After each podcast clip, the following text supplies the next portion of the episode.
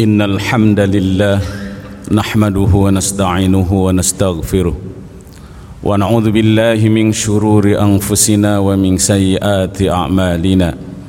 من يهده الله فلا مضل له ومن يضلل فلا هادي له. أشهد أن لا إله إلا الله وحده لا شريك له.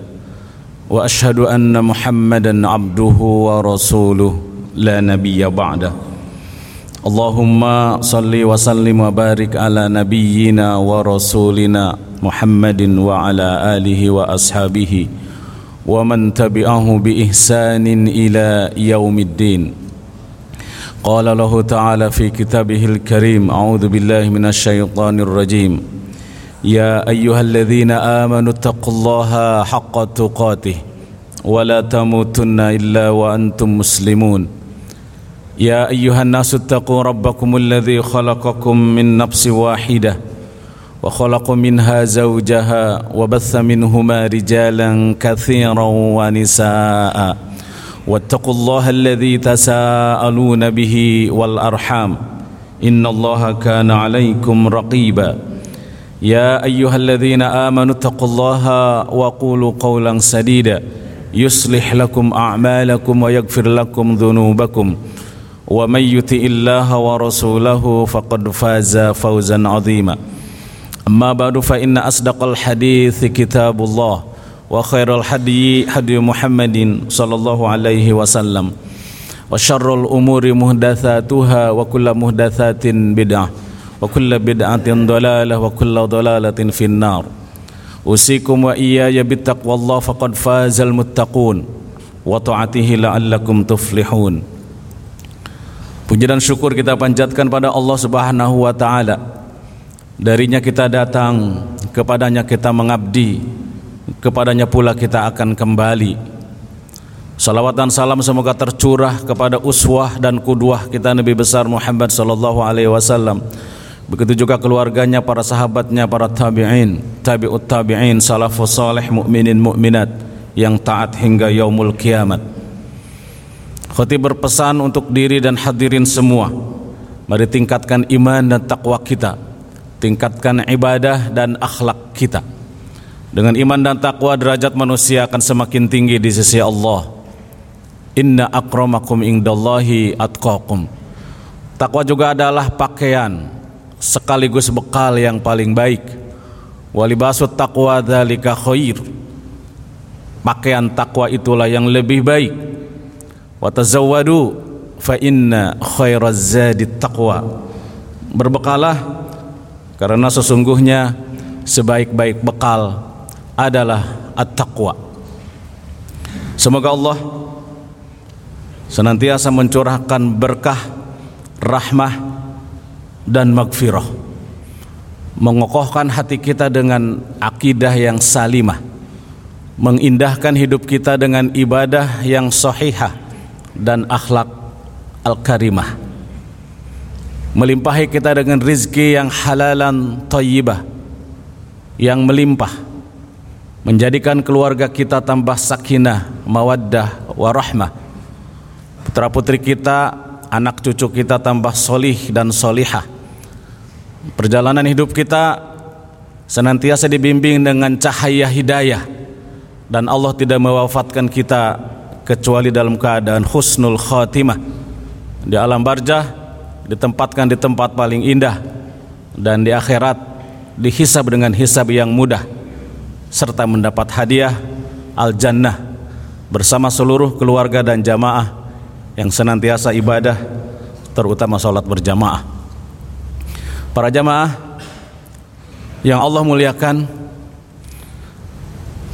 sahabat Rasulullah kalau mendengar pembicaraan dia merunduk.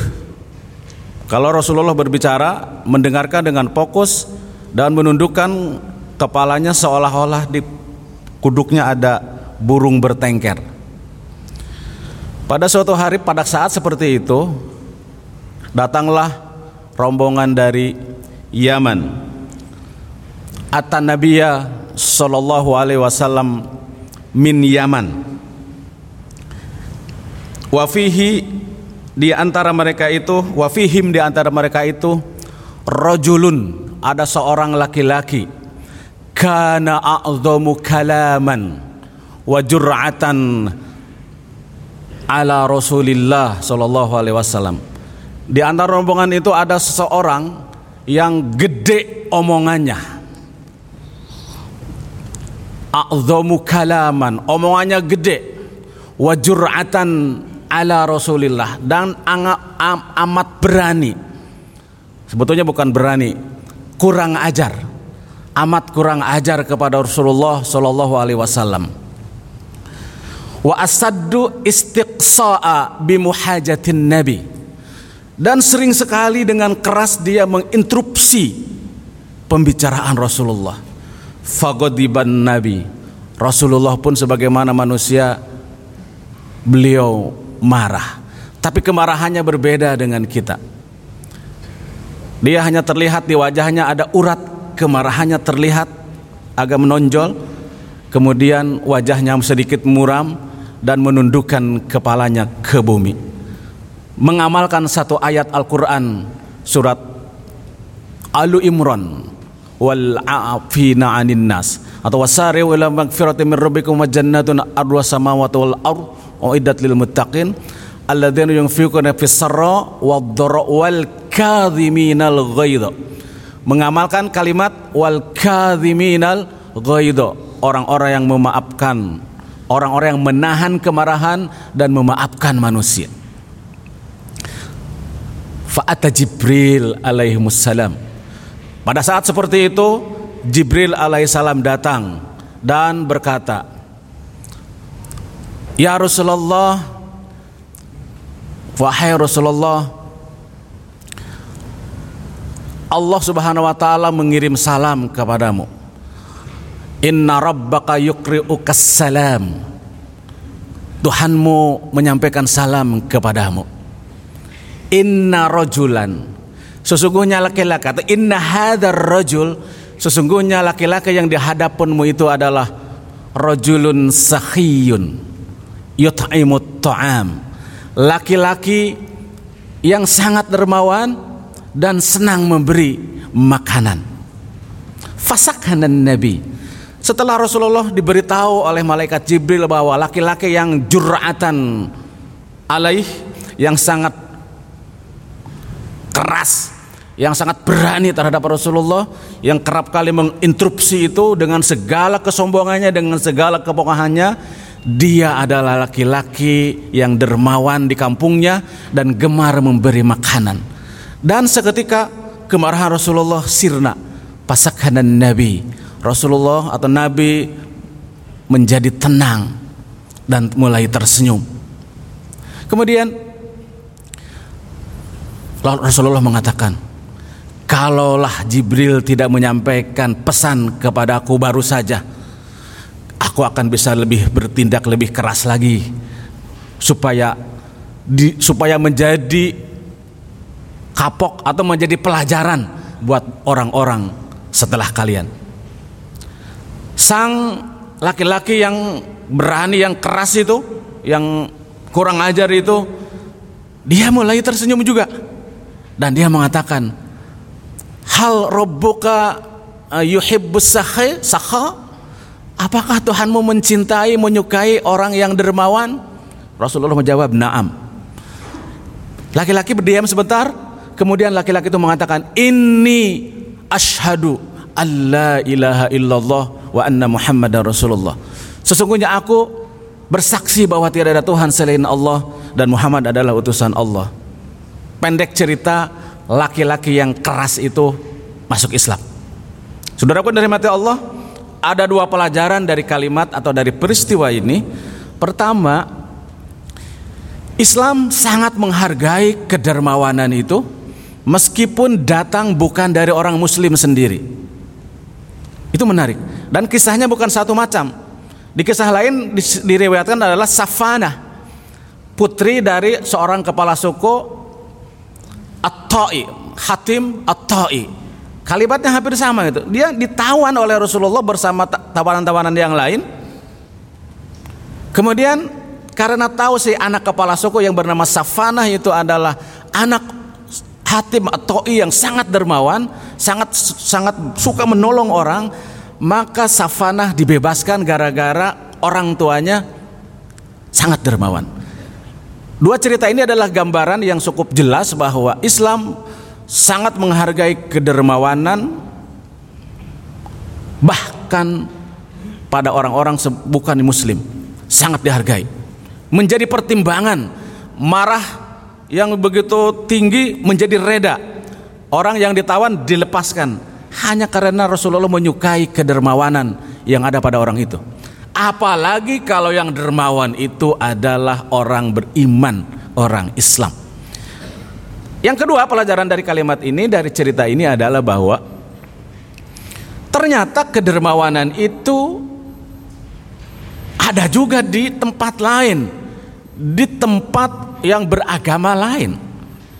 Dari semua agama mungkin, bahkan dari orang ateis pun ternyata kedermawanan itu ada. Apa maknanya ini? Kedermawanan itu memberikan makna kepada seseorang. Meskipun bukan muslim misalnya, memberikan makna. Apa artinya memberikan makna? Kedermawanan bisa membahagiakan langsung di dunia ini juga.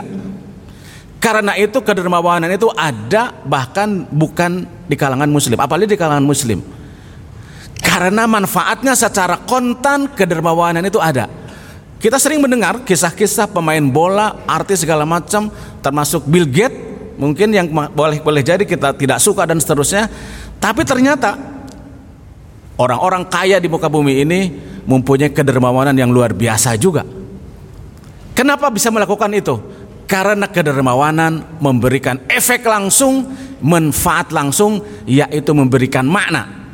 Ketika hidup beras, ber, bermakna, maka di situlah kebahagiaan dapat. Itu pelajaran yang kedua dari kalimat ini. Saudara yang dimati Allah. Maka orang Islam, orang yang beriman lebih patut lagi fokus kepada kedermawanan kepada sodakoh infak infak zakat sodakoh itu sodakohnya rahmat Allah visi hidup kita ini dua jangka panjang selamat di akhirat masuk surga jangka pendek di dunia bahagia. Dunia bahagia jangka pendek di akhirat surga jangka panjang. Misinya juga dua yaitu menjadi hamba Allah menjadi khalifah Allah. Itu misinya. Dan wasilahnya alatnya yang paling pokok juga dua. Berjihad dengan jiwa dan harta. Itu alat innallaha ashtara minal mu'minina anfusahum wa amwalahum bi anna lahumul jannah kalimatnya dengan menggunakan ishtara yastari sesungguhnya Allah telah membeli dari orang beriman jiwa dan hartanya sekaligus. Ayat-ayat yang model begini banyak gitu. Jiwa dan harta, amwal anpus atau anpus anwal. Di di alimat ini di, di ayat At-Taubah 111 ini mudah dihafal karena tulisannya satu satu satu. Itu menunjukkan alat mencapai keselamatan dunia dan akhirat betul mencapai keselamatan, kebahagiaan dunia dan akhirat, jiwa dan harta. Dengan jiwalah Bapak datang ke sini jurmatan. Dengan jiwalah kita mendengarkan taklim. Dengan jiwalah mendengarkan membacakan Al-Qur'an. Dengan jiwalah kita bangun subuh datang ke masjid. Itu jiwa, jiwa semua. Tapi jiwa saja tidak cukup, kita harus juga mengorbankan harta. Sudah punya Allah Subhanahu wa taala. Dalam sebuah hadis sahih Bukhari Muslim itu, mana kosot, mana kosot sodakotun min malin. Sodakoh tidak mengurangi harta. Sodakoh tidak mengurangi harta.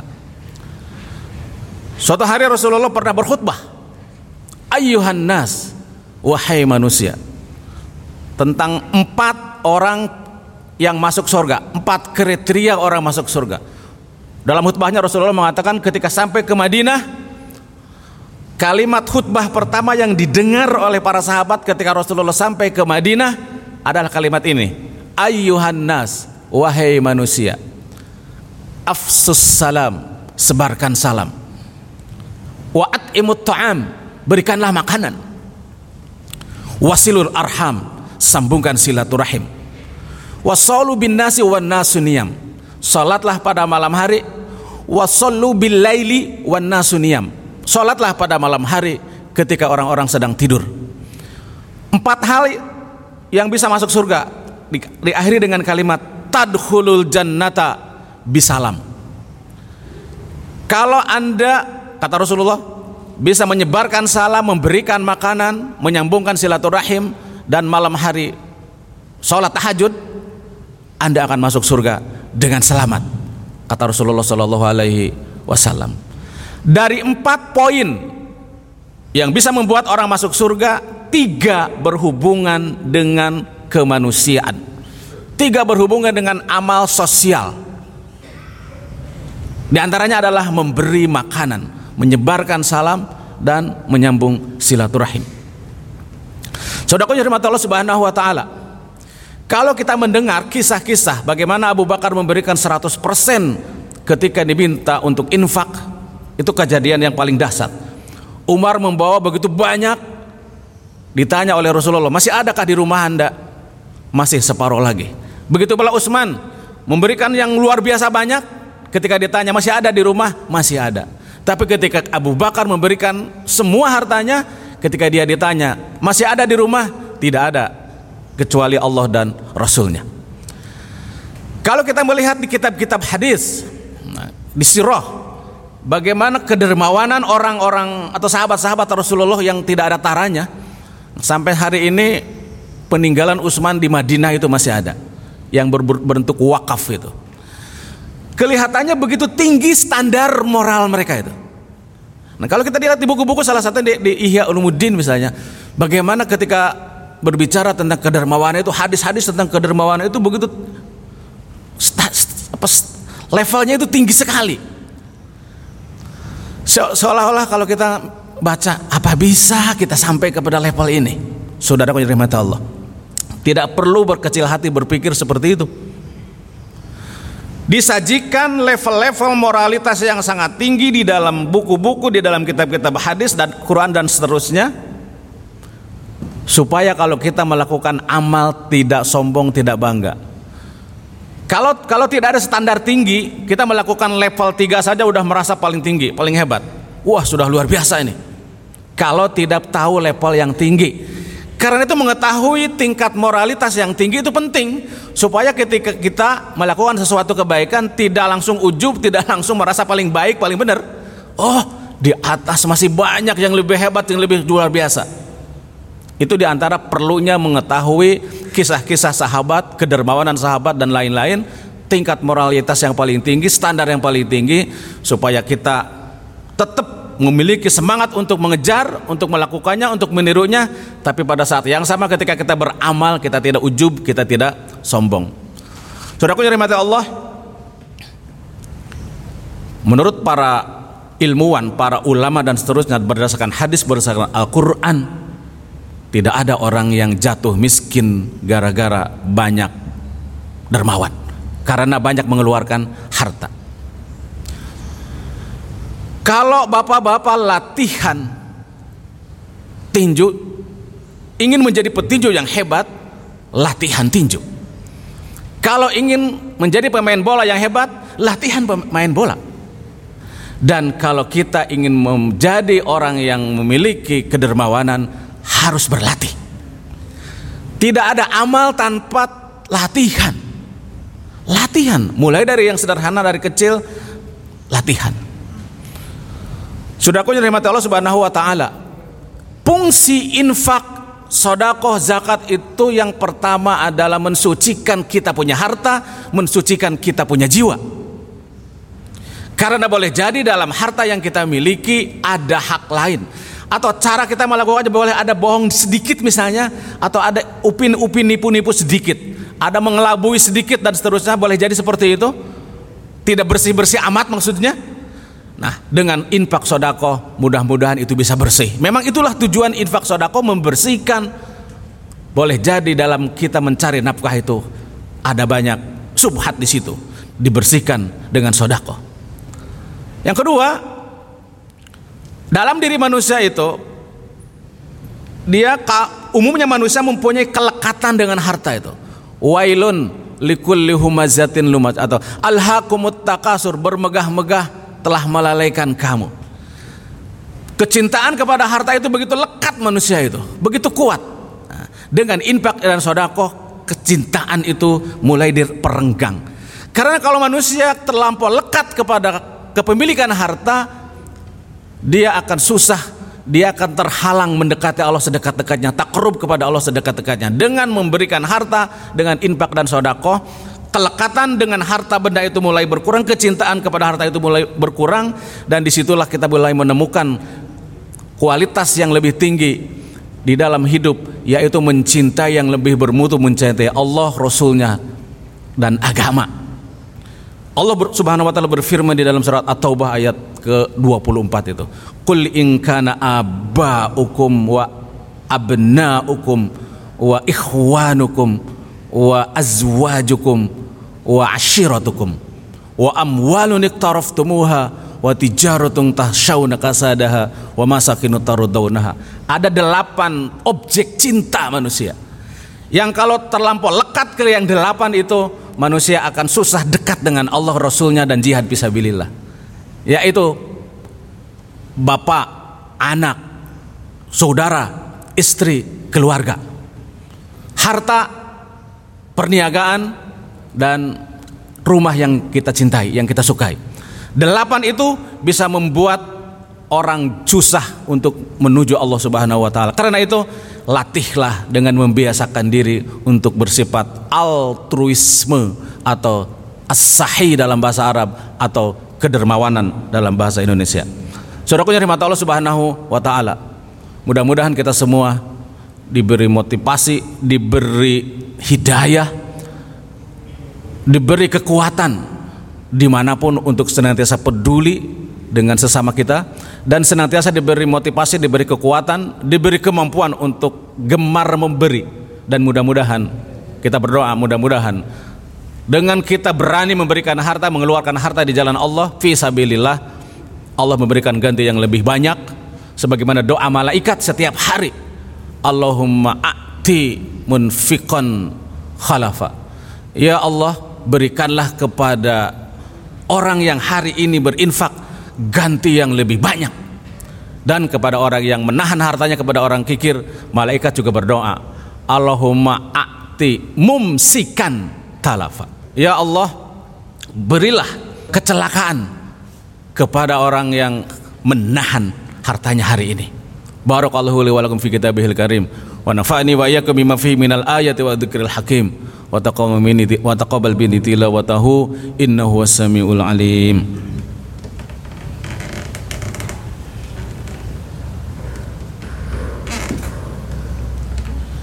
Alhamdulillahilladzi kataba ala nafsihi rahmah wa amarana bimtithali ma'muratih wa ijtina bimanhiyatih muddatal hayah. Asyhadu an la ilaha illallah wahdahu la syarikalah wa asyhadu anna muhammadan abduhu wa rasuluh.